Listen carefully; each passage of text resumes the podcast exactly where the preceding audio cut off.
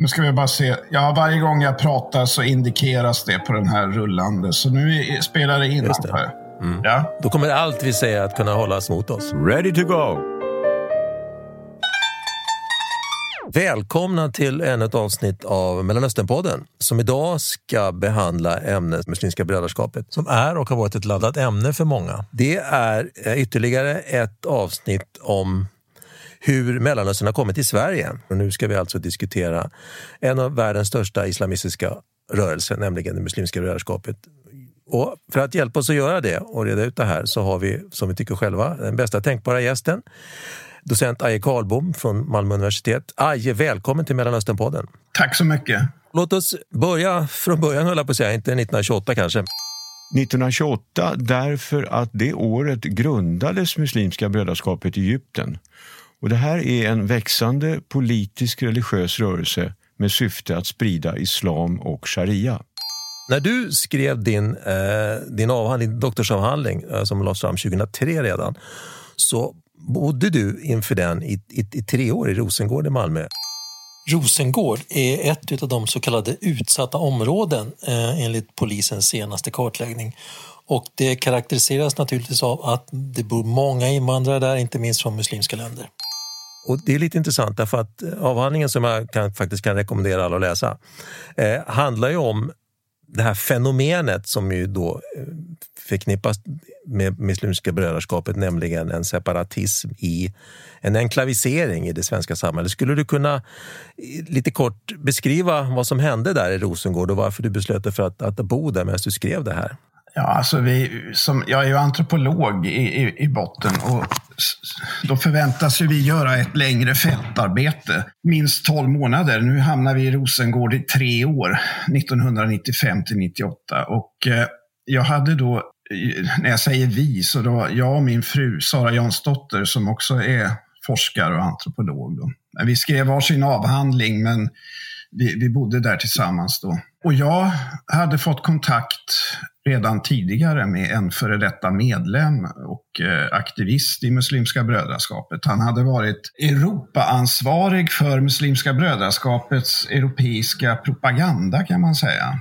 Och på den mm. tiden så var ju det, det här var han, på 80-talet var det här som han var aktiv i, i, i de här, han har hoppat av den här organisationen sedan dess.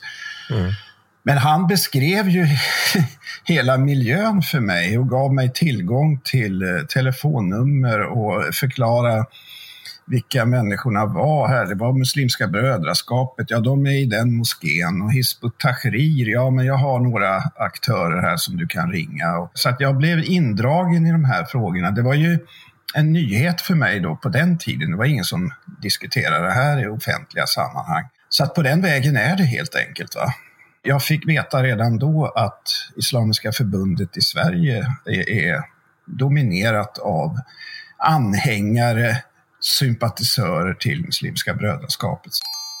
Islamiska förbundet arbetar för att bevara den islamiska kulturen i Sverige och anses nära förbundet med Muslimska brödraskapet. Så att det, här, det här är inget nytt på något sätt i Sverige. Nej, Nej det, det, det, det är bra att du påpekar det. Det gör ändå dig till en av de första som, som uppmärksammade det här och det blev ju lite eh, liv i luckan redan då när du, när du var fram avhandlingen. Liv i luckan här betyder att kritiken mot Ayes avhandling var ganska hård eh, och han anklagades eh, bland annat för att vara islamofob och allt för kritisk mot den muslimska kommuniteten i Sverige. Och Det är lite intressant därför att 2017 var ju du med eh, och skrev den här eh, lilla korta förstudien för MSB. En del av den starka reaktionen eh, mot den här förstudien kom ju från aktivister inom det muslimska brödraskapet som inte ville ha en diskussion om, om sakfrågan. Då var det ingen som pratade om det här egentligen, men då hade det redan förekommit i ganska många år att de hade varit aktiva i Sverige. Hur skulle du förklara det faktum att 20 år senare då när, när den här väldigt eh, oskyldiga rapporten som vi skrev eh, kommer ut, att det fortfarande blir ett sånt från då vissa håll, ett ramaskri över att det här överhuvudtaget tas upp? Ja, alltså frågan om, det är som du säger Magnus, alltså frågan om Muslimska brödraskapet var ju ingen nyhet, för, inte ens för svenska eh, islamologer. Nej de hade väl egentligen aldrig skrivit om det i forskningen så att det var ju en del av vad jag tyckte jag skulle göra, kritisera den forskning som fanns när jag skrev avhandlingen. Men det, den reaktionen som kom på den här förstudien. Alltså jag tror egentligen att det var två. Det ena var att vi eh, la liksom upp det på bordet på ett ganska fränt sätt, eller vad man ska uttrycka det som. Där vi mm. beskrev den här eh, MBs, eh, svenska MBs organisationsstruktur bara rakt upp och ner på något sätt. Och det andra är att jag tror att det eh, hade betydelse att det var en myndighet som publicerade det här, nämligen eh, MSB, då, Myndigheten för samhällsskydd och beredskap. Och det är klart, de här aktivisterna då, det var, och det var väl en blandning, de som kampanjade sen mot MSB med Eh, insinuanta frågor, eh, mejlattacker och telefon och så vidare. De var ju i många fall vana vid att samarbeta med myndigheter.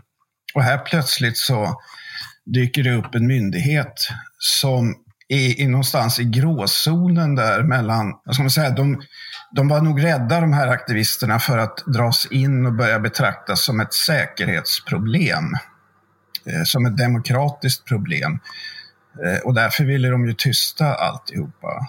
Forskarnas intentioner är ju lite, kanske, de, de eh, ville ju överhuvudtaget inte diskutera sakfrågorna utan de attackerade ju annat.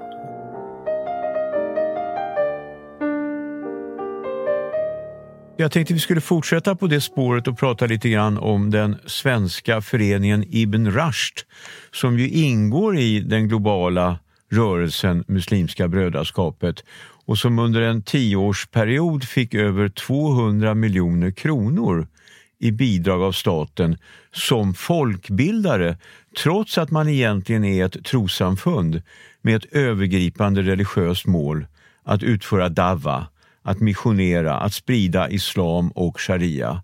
Och Det här är ju ett av flera exempel på hur Muslimska brödraskapet framgångsrikt duperar det omgivande samhället. Så Aje, försök att förklara för våra lyssnare hur det är möjligt.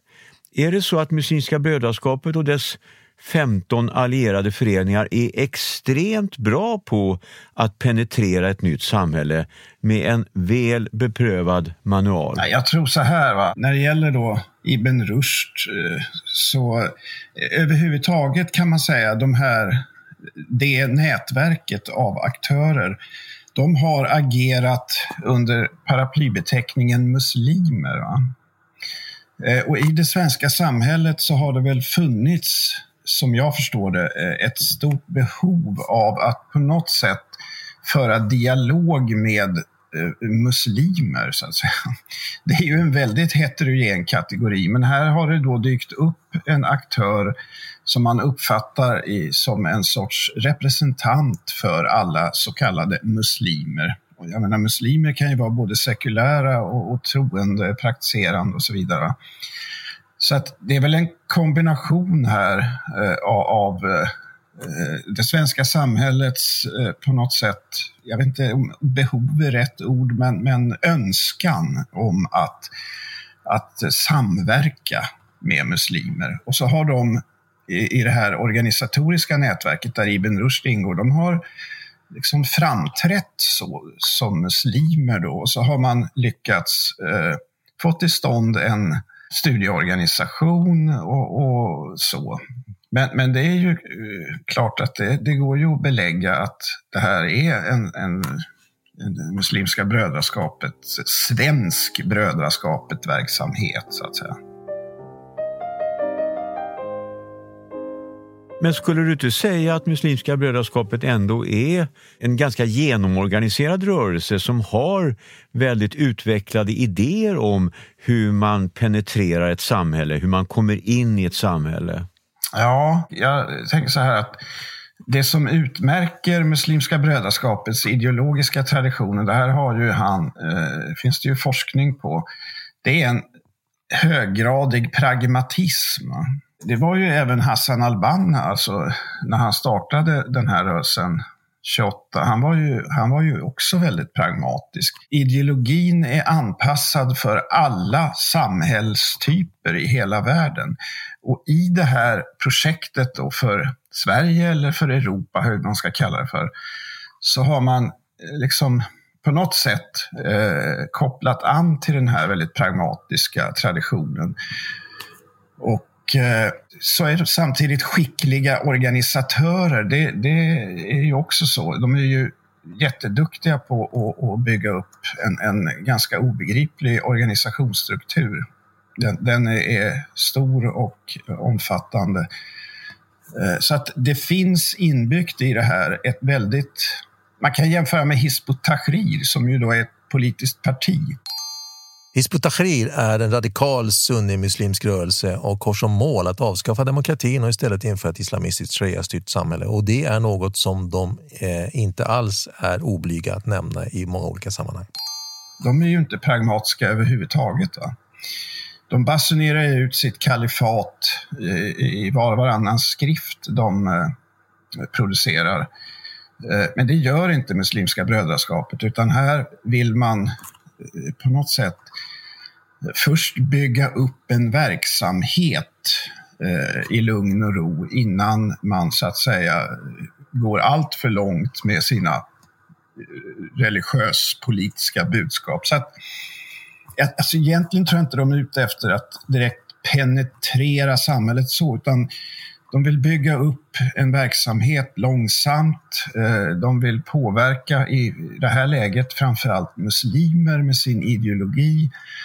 Eh, och för att kunna göra det på ett organiserat sätt så vill man också bygga upp en enklav eller ett, de säger själva, muslimskt civilsamhälle det är lite intressant därför att det du nämner här, att det sättet som de gör det här på, att man bygger upp i lugn och ro eh, för att då så, att säga, så småningom på lång sikt uppnå, uppnå ett mål. Men det här är ju i ett europeiskt sammanhang eh, inte, precis som, som vi nämnde tidigare, ingenting nytt. Men är vi i Sverige extra naiva eh, när det gäller att se det här. Att vi inte är riktigt vana vid en, en rörelse som bygger upp sig på det här viset. Därför att det är i viss mån... I, eh, i Sverige har en tradition av att vara väldigt ganska transparent och öppet med sina, med sina organisationer och rörelser. Men här är det inte så alls. Den, den här oviljan att ta till sig det här, alltså hur man gör. Ja, ja jag har ju funderat på det själv. Alltså, vad, vad är det som eh, gör att det är så svårt att uh förhålla sig på det här, till, den, till det här fenomenet. Mm. Alltså de har ju varit, jag tror man kan förstå det så att de, MBs svenska och faktiskt hela den europeiska verksamheten, de har varit väldigt skickliga på att länka upp till den här identitetspolitiska ideologin som dominerar i mångt och mycket när det gäller migrationsfrågor. I Sverige men också i andra europeiska länder.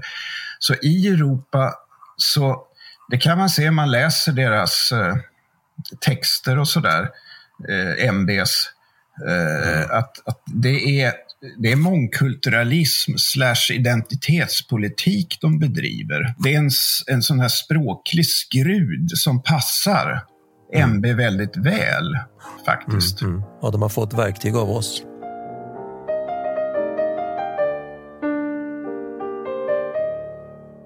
Jag, jag tror man måste komma in här och hjälpa våra lyssnare en liten bit på traven.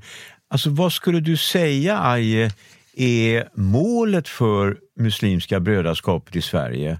Vad skulle du, hur skulle du beskriva så att säga, vad, vartåt man syftar? Vad är det man vill åstadkomma? Ja, det här är ju en väldigt omdebatterad fråga för att många kastar sig direkt över och säger att de vill införa sharia-lagstiftning. Men Alltså, min bedömning är att de här aktörerna är ju så pass kloka att de förstår att de är i minoritet i ett majoritetssamhälle som i många stycken har svårt för religion. Ett väldigt sekulariserat samhälle. Så att jag tror inte det, det, finns inga belägg för att det här skulle handla om att man ska överta samhället på det viset.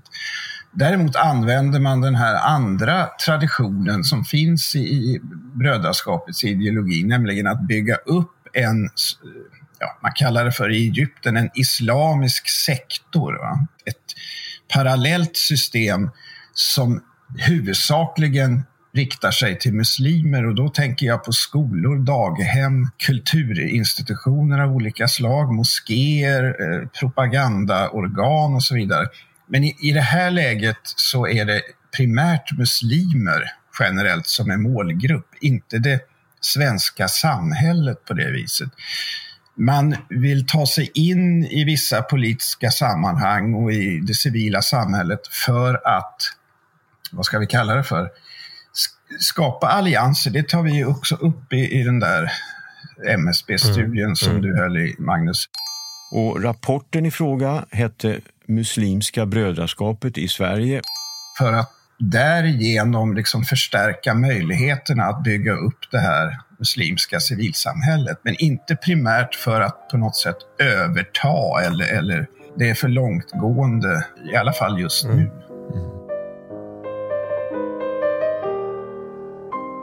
Vet vi ungefär hur många av Sveriges muslimer som kan sägas bli representerade av Muslimska brödraskapet?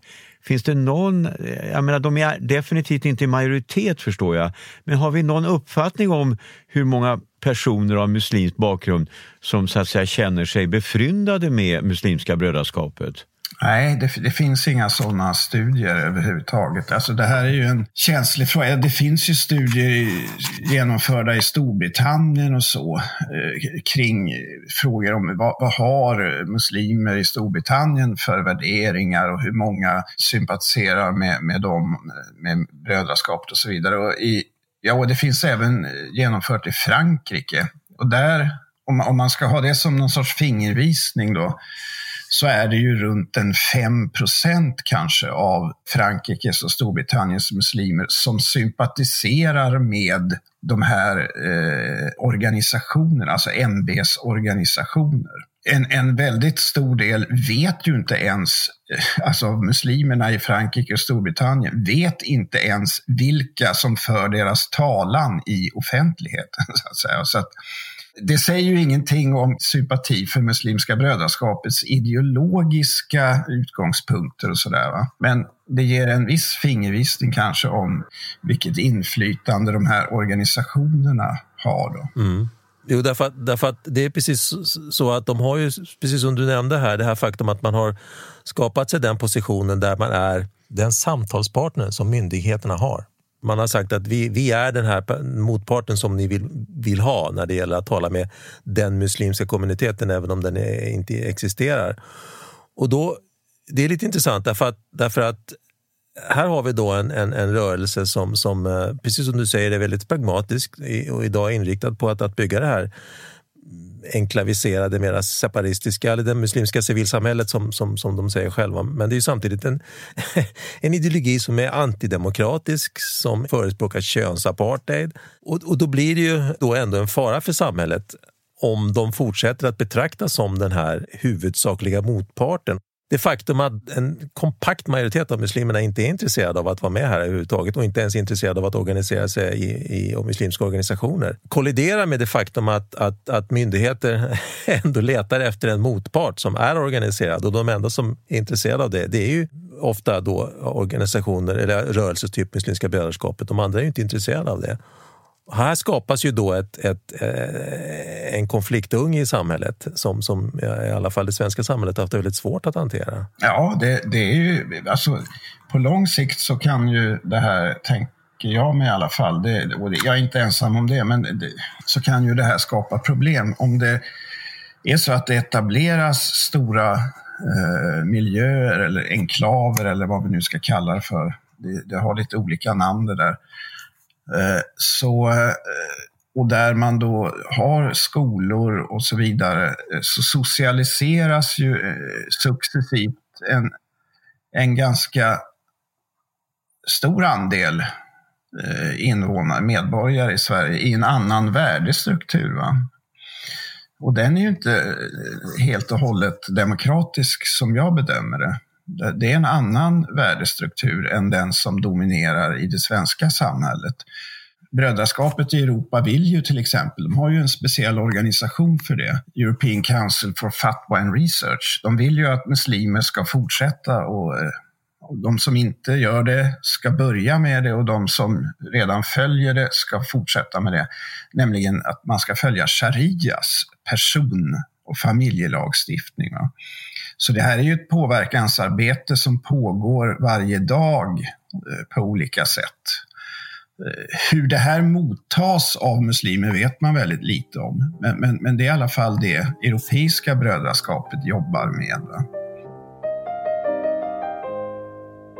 Låt oss stanna upp precis där, för jag tycker det är intressant att konstatera att i England så finns det numera två rättssystem. Det finns ett vanligt traditionellt och ett nytt alternativt, sharia-baserat, enbart för muslimer. Alltså en instans där många civilrättsliga frågor avhandlas. Man kan kalla det för särskilda familjedomstolar. Och då undrar man oroligt, är det här någonting som du tror kommer att kunna hända även i Sverige? Ja, alltså Storbritannien har, alltså man brukar, vissa pratar ju om eh, i Storbritannien och vissa forskare om, om legal pluralism som du är inne på här då. Men Storbritannien har ju ett lite annorlunda juridiskt system än Sverige. Va? De har ju en sorts förjuridisk enhet där man kan lösa civilrättsliga frågor genom samtal och diskussioner och sen kan besluten därifrån lyftas in i det juridiska systemet. Så att de här Sharia Councils eh, som, som du nämner, som ju framförallt sysslar med då eh, sådana här äktenskapliga problem. Man skiljer och gifter folk och så vidare och, och löser vissa tvister där. De kopplar sig till det här lite förjuridiska strukturen utifrån sharia. Då. Och sen är det upp till en domare att fatta beslut utifrån det som har men det är en sorts parallell, absolut, juridisk struktur. Va? Eh, jag tror inte man ska i Sverige jag har ju intervjuat vad jag kallar för islamiska rådgivare i Malmö i en liten pilotstudie. Det finns ju sådana här sharia-aktörer då som jobbar med sharia-frågor i privat regi och ibland äger det rum inom moskéer. Eh, så att det pågår ju redan en sorts parallell juridisk verksamhet i Sverige, även om den inte är särskilt väl belyst. Då, då. Men då är det enbart familjelagstiftningen man sysslar med där. Eh, ett stort problem för muslimer är ju skilsmässor helt enkelt i, i, i Sverige och andra europeiska länder. Och det måste regleras sharia-rättsligt eftersom de här paren är gifta enligt sharia i sitt eget hemland. Det går inte med en civilrättslig domstol. Nej, men det här drabbar ju framför allt kvinnor ja. Eh, och unga tjejer på, på ett, eh, liksom, för att uttrycka sig kanske lite klichémässigt, väldigt osvenskt sätt som man nu hade hoppats att man skulle göra någonting mer åt.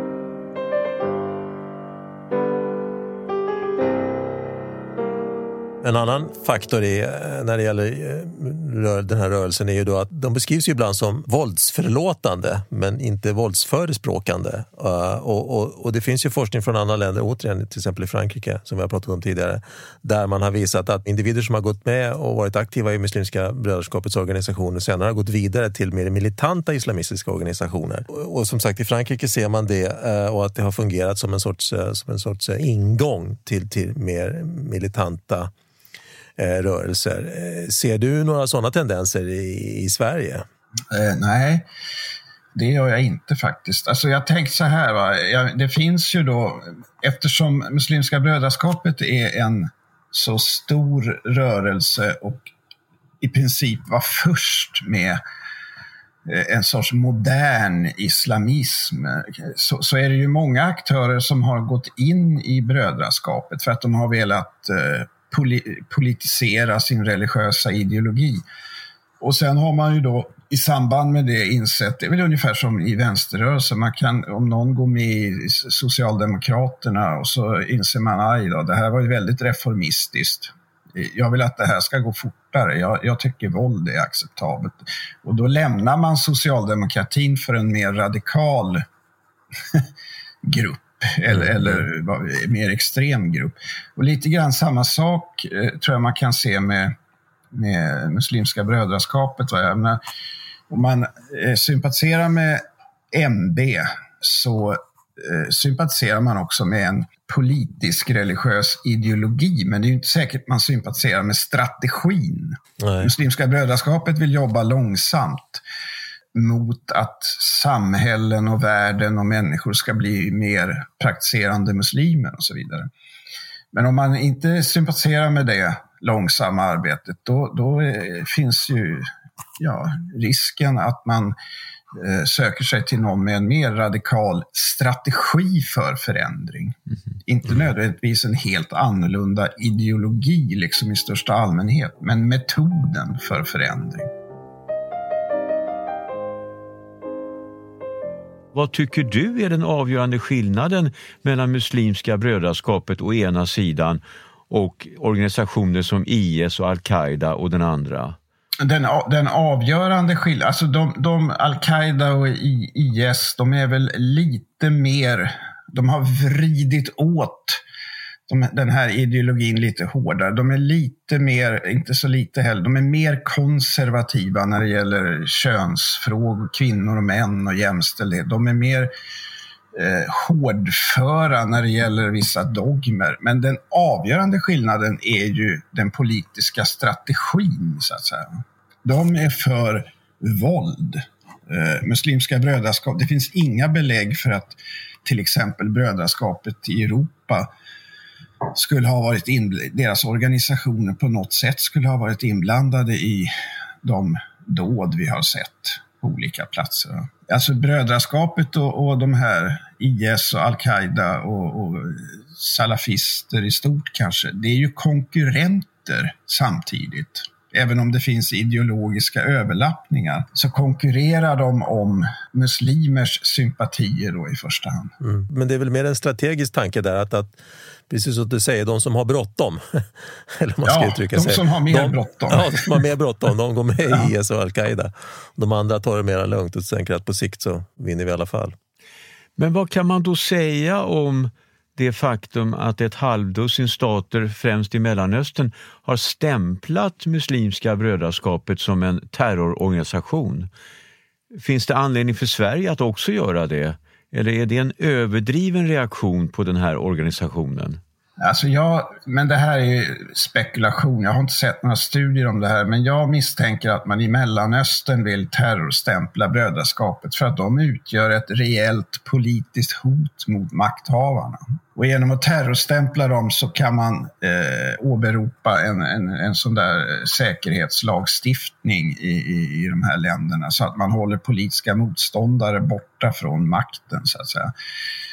Jag tycker det skulle vara, alltså det, det är inte relevant för Europa, eh, tänker jag mig, all, överhuvudtaget att terrorstämpla. Va? Jag tror att det också skulle leda till att vi förstår Muslimska brödraskapet i Europa på ett sämre sätt. Det, det är i första hand inte våldet som är eller eh, problem där, utan det är, en, det är den här långsamma rörelsen, att man vill få med sig, mobilisera muslim. Alltså det är ett långsiktigt eh, bekymmer snarare än ett kortsiktigt bekymmer. Våldet är ju, är ju både och, men framförallt ett kortsiktigt problem. Vi måste åtgärda våldsbejakandet eh, på en gång, så att säga. Men om man då upplever att Muslimska brödraskapet på något sätt är ett hot mot Sverige, vad tycker du att man borde göra? På vilket sätt borde man åtgärda det här hotet? Ja, jag tänker så här att, eh, och här, eh, här, här sällar jag mig till en grupp då, eh, forskare till exempel. Vissa tycker man ska föra dialog med, med de här organisationerna för att på något sätt då kanske binda upp människor vid eh, demokratiska processer och sådär. Samtidigt så tycker jag att man ska ha lite, jag tycker man ska ha lite lika behandling. Va? Alltså vi för ju inte dialog med alla som har en, en samhällsförändrande ideologisk eh, uppfattning va? med väldigt starkt konservativa inslag. Jag tycker eh, vi, vi, vi, vi kan liksom inte förbjuda sådana ideologier i en demokrati, men vi kan debattera. Och det tycker jag är en nödvändighet. Vilket jag har försökt göra, men man får, det, det är väldigt svårt att nå fram till sakfrågorna här. Ja, det kan jag skriva under på. Det är väldigt svårt. men, men en, en, annan fråga som också är besläktad här, det är ju det att, att, att vi betalar extremt mycket pengar från skattebetalarna för att då gynna de här gynnarna. Och, och det är ju en ganska enkel sak att ta. Ska vi understödja det här arbetet genom, genom skattepengar? Och den frågan har, det är precis som du säger, den frågan har ju också varit väldigt svårt att, att, att överhuvudtaget ta upp. Där undrar man ju hur vi ska komma åt det, alltså bara få den här öppna vuxna debatten. För det har vi jämfört med andra länder väldigt svårt för här i Sverige. Jag tycker man ska strypa utbetalningen av pengar till eh, ja, alla totalitära eller extrema mm, mm. grupperingar. Demokratin måste på något sätt eh, dra gränsen någonstans. Eh, mm. och vi, vi, vi, kan, vad vi kan göra är, vi kan om människor begår olagligheter, alltså förespråkar eller använder våld, ja det kan vi ju juridiskt sett, eh, även om det verkar svårt ibland i Sverige, men det, det, är något man kan slå ner på och, och, och så. Eh, vi kan inte förbjuda ortodoxa eller konservativa ideologier, men vi kan ju strypa bidragen till dem.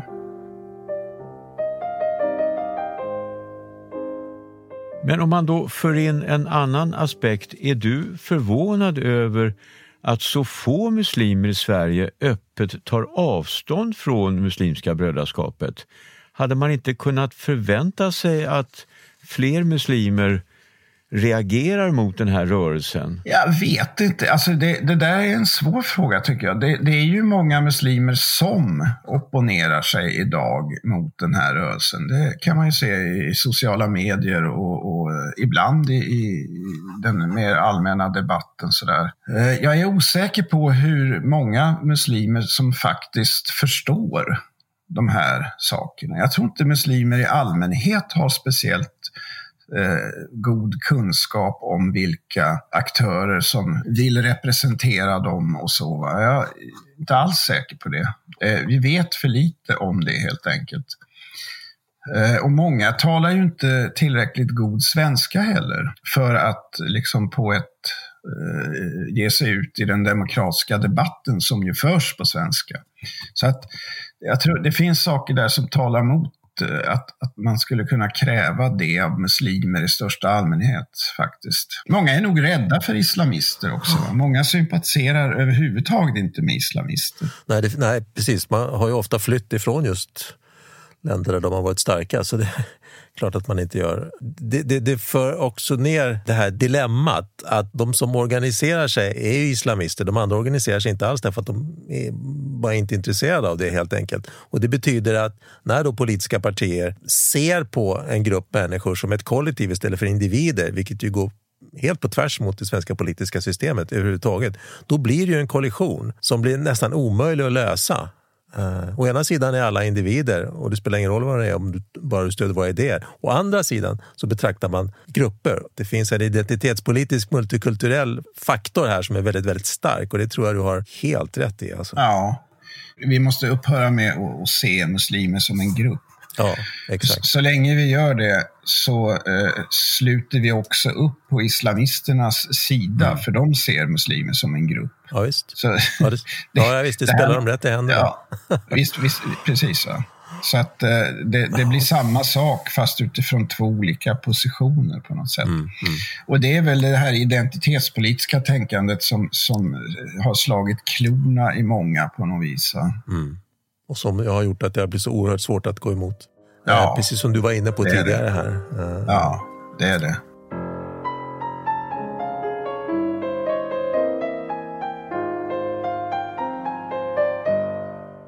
Men känner du att du utsätter dig för fara genom att vara så pass öppen och tydlig när det gäller Muslimska brödraskapet? Nej, inte direkt fara inte, utan mera att jag drar på mig mångas kritik.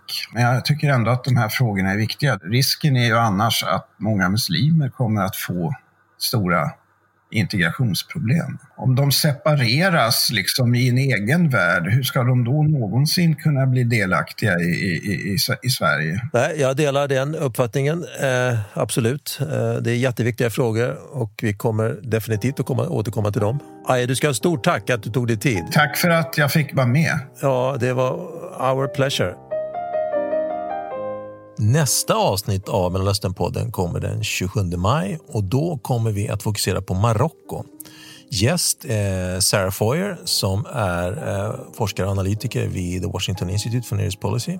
Och vi kommer att diskutera Marockos eh, politiska struktur. Vi kommer att diskutera hur pass mycket demokrati landet har. Eh, om det faktiskt är så att det är kungen ändå som har det sista ordet.